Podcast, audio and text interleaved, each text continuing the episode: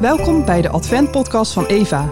In deze podcast nemen wij je in 31 overdenkingen mee naar het kerstfeest. Aflevering 11.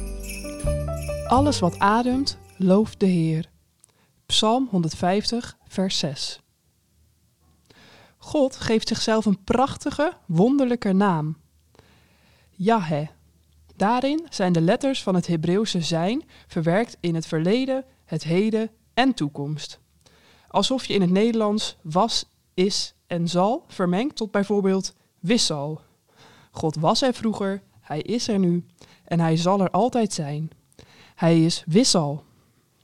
De vier letters van deze naam zijn de luchtigste uit het Hebreeuwse alfabet. Als je ze uitspreekt, klinkt het alsof je ademhaalt. Alle mensen en dieren laten bij elke ademhaling heimelijk Gods naam horen. Wat ons in leven houdt, is uiteindelijk God. Hij is het geheim van ons leven. Alles wat ademt, looft Yahweh. Dat lijkt op het eerste gezicht een opdracht. Je moet Yahweh prijzen.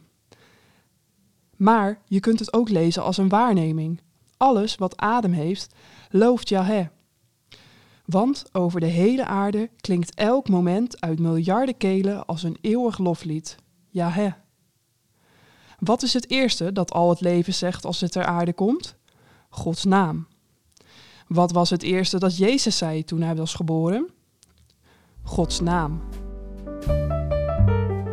Wil je blijven genieten van podcasts zoals deze? Ga dan naar eva.eo.nl/slash abonnee en steun ons.